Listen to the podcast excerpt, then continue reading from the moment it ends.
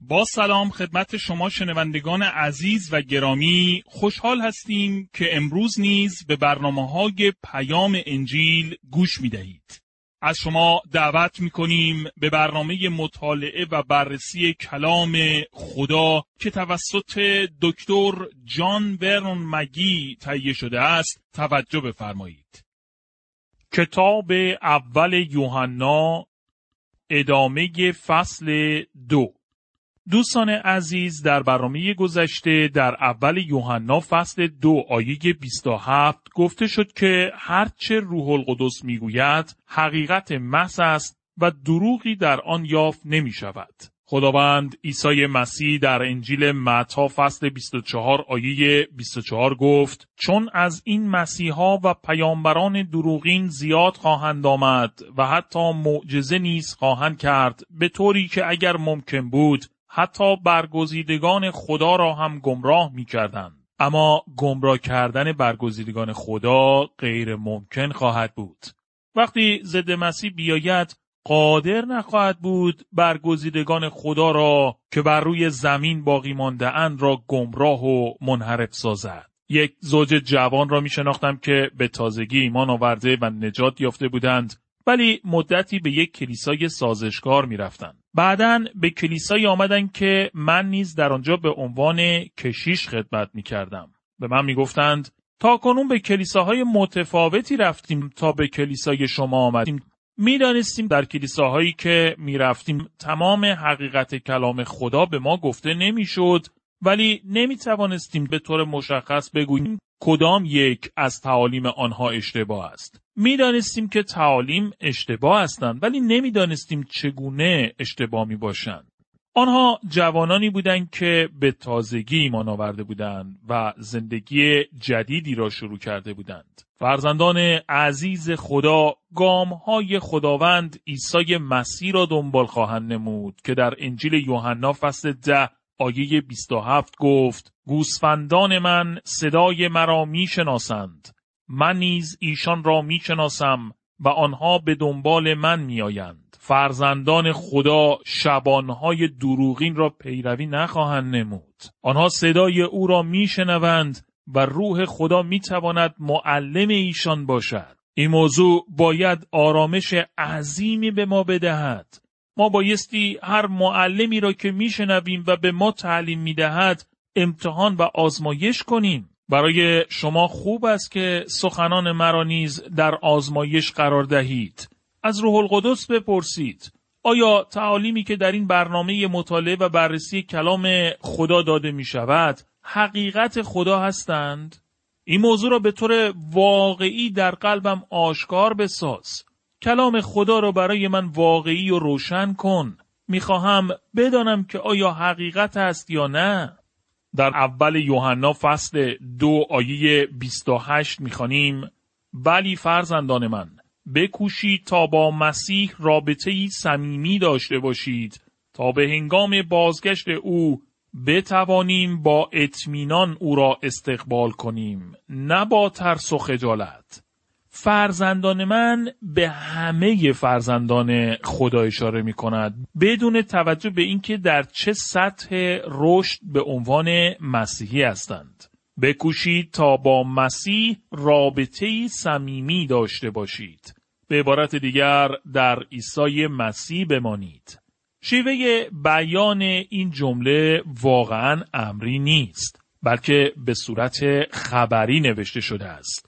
یعنی یوحنا در واقع می‌گوید در او میمانید و میکوشید که با او رابطه نزدیک داشته باشید. می‌خواهم تکرار کنم که یوحنا اینجا در مورد مشارکت صحبت می کند. ماندن در خداوند عیسی مسیح به معنای مشارکت داشتن با او است. ماندن در او به این معنی است که با او رابطه دارید. تا به هنگام بازگشت او در واقع در متن اصلی نوشته شده اگر در هنگام بازگشت او ولی باید توجه داشت که منظور از کلمه اگر در اینجا شک و تردید در مورد بازگشت او نیست. استفاده از اگر در اینجا هیچ ارتباطی با واقعیت آمدن او ندارد. بلکه در مورد نااطمینانی شرایط در هنگام بازگشت او می باشد. گرچه ممکن است مسح روح خدا را داشته باشیم ولی نمی‌دانیم که عیسی مسیح چه موقع باز خواهد گشت. هیچ کس آن را نمی‌داند و فقط خداوند می‌داند که زمان بازگشتش چه موقع است. چرا او زمان بازگشت خیش را به ما آشکار نکرده است؟ تا به هنگام بازگشت او بتوانیم با اطمینان او را استقبال کنیم نه با ترس و خجالت. یک مسیحی بایستی در نور بازگشت حتمی و ناگهانی عیسی مسیح زندگی کند. اگر امروز به من بگویید که او تا ده سال دیگر باز نخواهد گشت هرچند که ممکن است تا آن زمان زنده نباشم ولی دیگر نیازی نیست که درباره چگونگی زندگی امروز خود نگران باشم و می توانم بدون توجه به کلام خدا زندگی کنم. اما اگر امکان دارد که او همین امروز بازگردد، اگر او در همین لحظه بیاید، او مرا در حال آماده کردن یا اجرای این برنامه مطالعه و بررسی کلام خدا می بیند و شما را نیز در حال شنیدن این برنامه مشاهده می کند و این خوب است. امیدوارم که او در چنین زمانی بیاید. یعنی هنگامی که من آگاهانه در مشارکت بر رابطه نزدیک با او می باشم اما در واقع من نمی‌دانم که او چه موقع خواهد آمد. بعضی اوقات هنگام رانندگی وقتی پشت سر اتومبیلی هستم که راننده آن به من اجازه عبور نمی‌دهد در افکارم نسبت به او خشمی شده و سخنانی ناپسند می‌گویم اگر خداوند در چنین زمانی بیاید حتما در حضور او شرمنده و خجل خواهم شد. بنابراین من و شما بایستی در تمام مدت و همیشه در نور بازگشت حتمی و ناگهانی او زندگی کنیم تا بتوانیم با اطمینان او را استقبال کنیم و نه با ترس و خجالت. بسیاری افراد درباره بازگشت و آمدن عیسی مسیح صحبت کرده و در مورد آن بسیار هیجان زده می شوند و با احساسات به آن مینگرند. اما مطمئنا بازگشت او برای افراد زیادی باعث شرمساری خواهد بود چون به او اطمینان ندارند و در هنگام آمدن او شرمنده و خجل خواهند شد. چرا؟ به دلیل زندگیشان یعنی شیوهی که زندگی می کنند. خداوند عیسی مسیح در مکاشفه یوحنا فصل 22 آیه 12 چنین گفته است چشم به راه باشید من به زودی میآیم و برای هر کس مطابق اعمالش پاداشی با خود خواهم آورد. تعداد زیادی از افراد در جستجوی یافتن پاداش خود در اطراف میگردند ولی چیزی نخواهند یافت. پولس رسول در نامه اول قرنتیان فصل 3 آیه 15 نوشته است اما اگر امارتی که ساخته باشد بسوزد ضرر بزرگی به او خواهد رسید. اگرچه خود نجات خواهد یافت اما همچون کسی خواهد بود که از میان شعله های آتش فرار کرده باشد. بسیار مهم است که به شیوهی زندگی کنیم که شایسته انجیل عیسی مسیح باشد. یوحنا در اینجا همان سخنانی را می‌گوید که پتروس نیز گفته است. تعالیم غلط و زندگی نادرست با هم هستند همانطوری که تعالیم درست و زندگی پاک و درست نیز با هم می باشند. بعضی اوقات در مورد رهبر یک گروه یا فرقه انحرافی میشنوید که با مشکلاتی روبرو شده چون محکوم به زناکاری یا سوء استفاده مالی شده یا پول و سرمایه فردی را به زور گرفته است. چرا؟ تعالیم غلط به سوی زندگی نادرست و گناه آلود هدایت می کنند. تعالیم درست به سوی یک زندگی پاک و درست هدایت خواهند نمود. هیچ چیز به اندازه آگاهی و دانستن اینکه روزی در حضور عیسی مسیح خواهید ایستاد و در مورد کارهای خود به او حساب پس خواهید داد بر زندگی شما تأثیر نخواهد گذاشت. عیسی مسیح داور مردگان و زندگان است. هر ایمانداری در مقابل تخت داوری عیسی مسیح خواهد ایستاد. پولس رسول در نامه دوم قرنتیان فصل پنج آیه ده می نویسد زیرا همه ما در حضور مسیح خواهیم ایستاد تا محاکمه شویم. هر یک از ما نتیجه اعمالی را که در این زندگی انجام داده است خواهد دید چه نیک و چه بد موضوع نجات در اینجا مطرح نیست چون نجات یافته ایم و فرزندان او هستیم که به حضور او آمده ایم. سوال اصلی در اینجا این نیست که نجات یافته اید یا نه. سوال مهم اکنون این است که آیا پاداشی دریافت خواهید نمود یا نه؟ افرادی در میان مسیحیان یا فرزندان خدا خواهم بود که هیچ پاداشی و تحسینی را از سوی خداوند دریافت نخواهند کرد.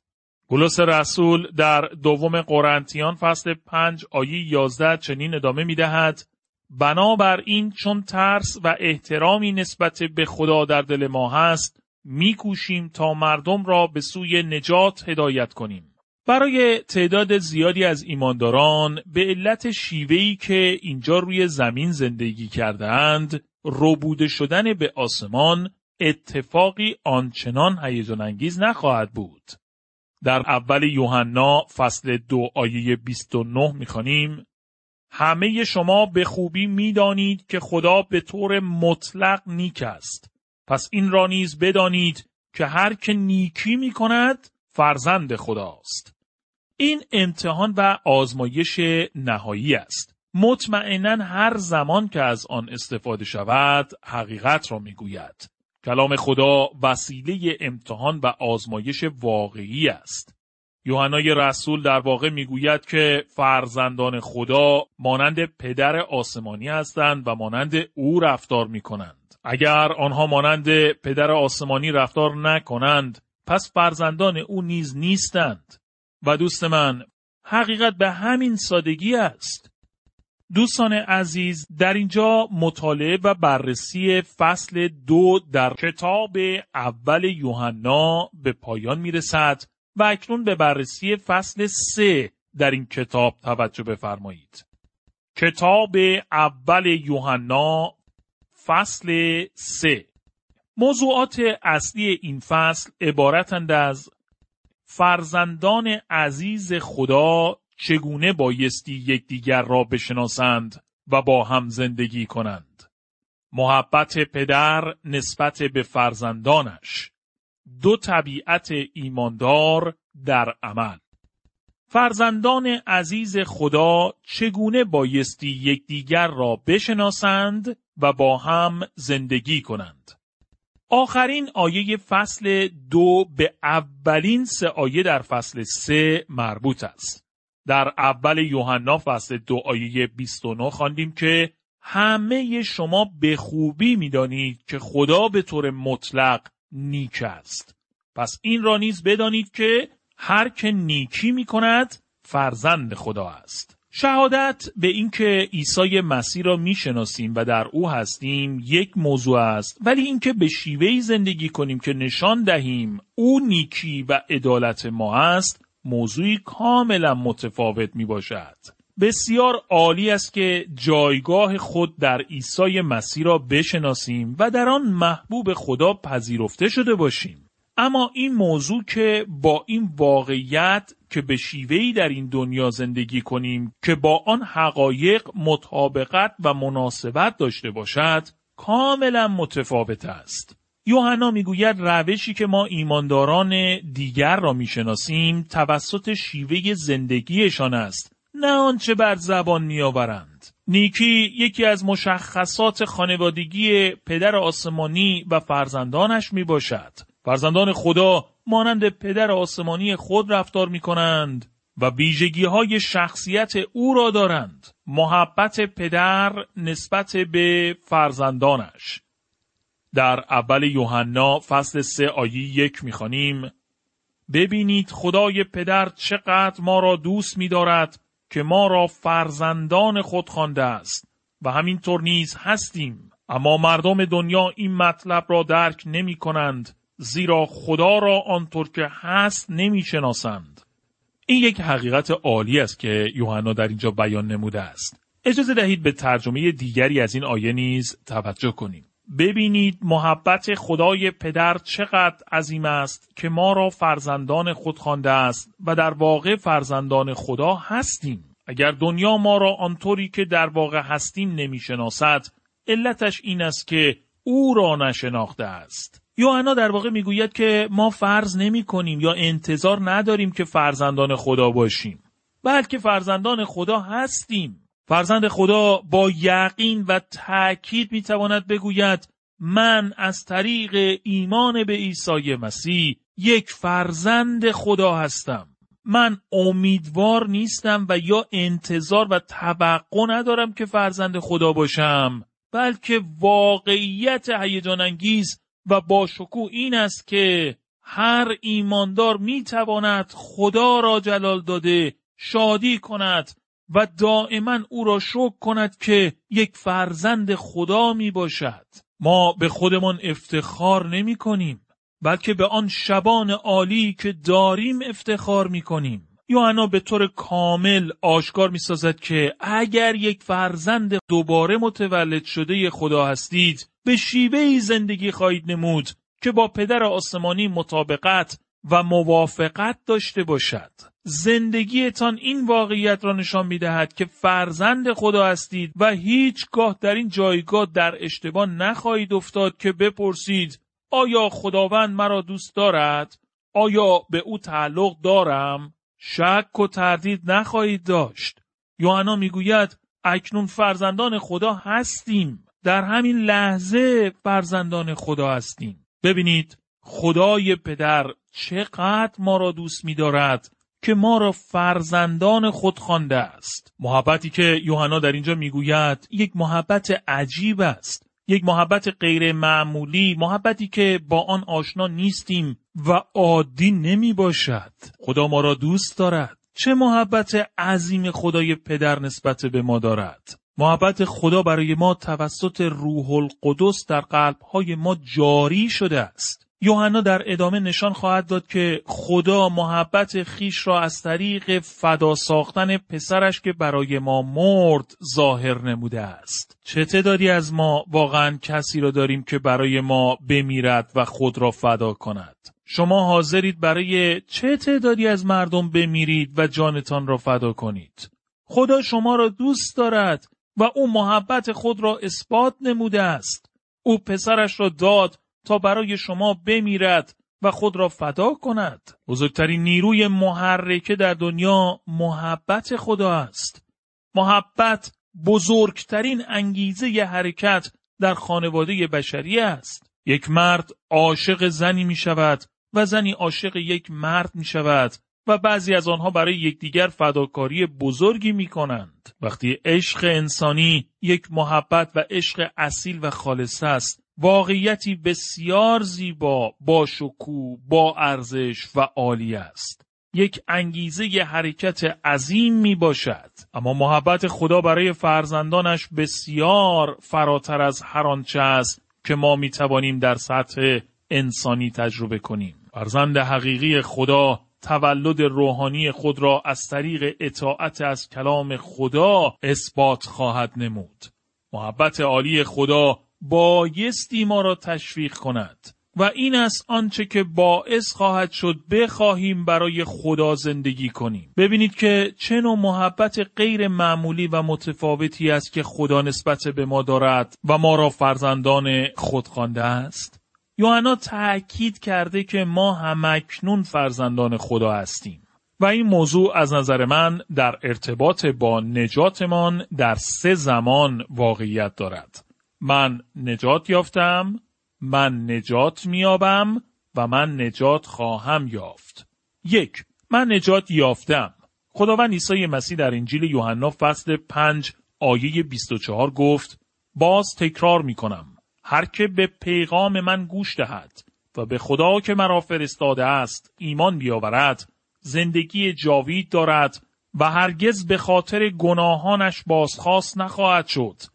بلکه از همان لحظه از نابودی نجات پیدا کرده به زندگی جاوید خواهد پیوست. از همان لحظه که به عیسی مسیح اعتماد می کنید زندگی جاوید را دریافت خواهید نمود و نجات یافته اید و دیگر نجات دیگری نیست که بخواهید به دست آورید. شما دوباره متولد شده و به خانواده خدا پیوسته اید.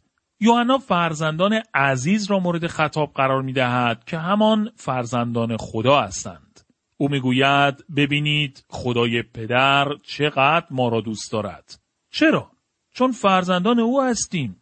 او محبت خود را به فرزندانش نشان داده است و آنها توسط اطاعت از او و از طریق زندگی کردن به شیوهی که او را خوشنود می‌سازد به محبت او پاسخ دادند. دو من نجات میابم. پولس رسول در فیلیپیان فصل دو آیه دوازده الی سیزده می‌گوید بکوشید تا با اعمالتان نشان دهید که نجات یافته اید. یعنی با اطاعت و احترام عمیق به خدا و دوری از هر آنچه که موجب ناخشنودی اوست. زیرا خدا خودش در وجود شما کار می کند تا بتوانید با میل و رقبت او را اطاعت نمایید و اعمالی را به جا آورید که مورد پسند اوست.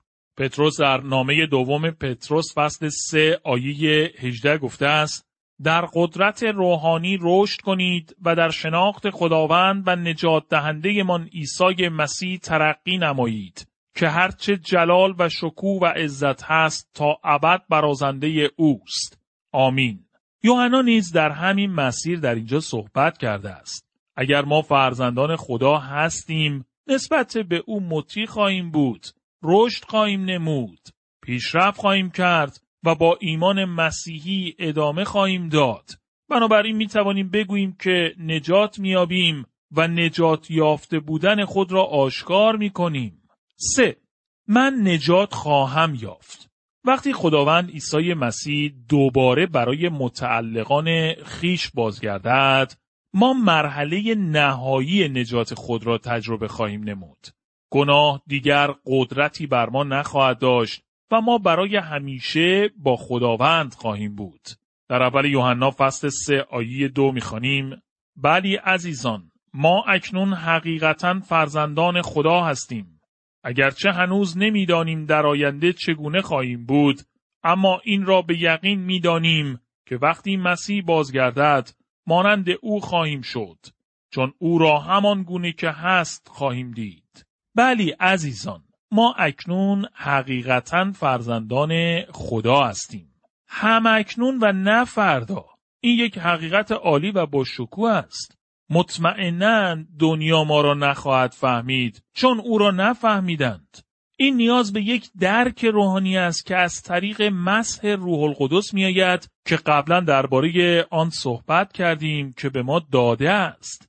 روح خدا همان کسی است که می تواند این امور مربوط به عیسی مسیح را برای ما واقعی سازد و دوست من فقط روح خدا می تواند چنین کاری را انجام دهد.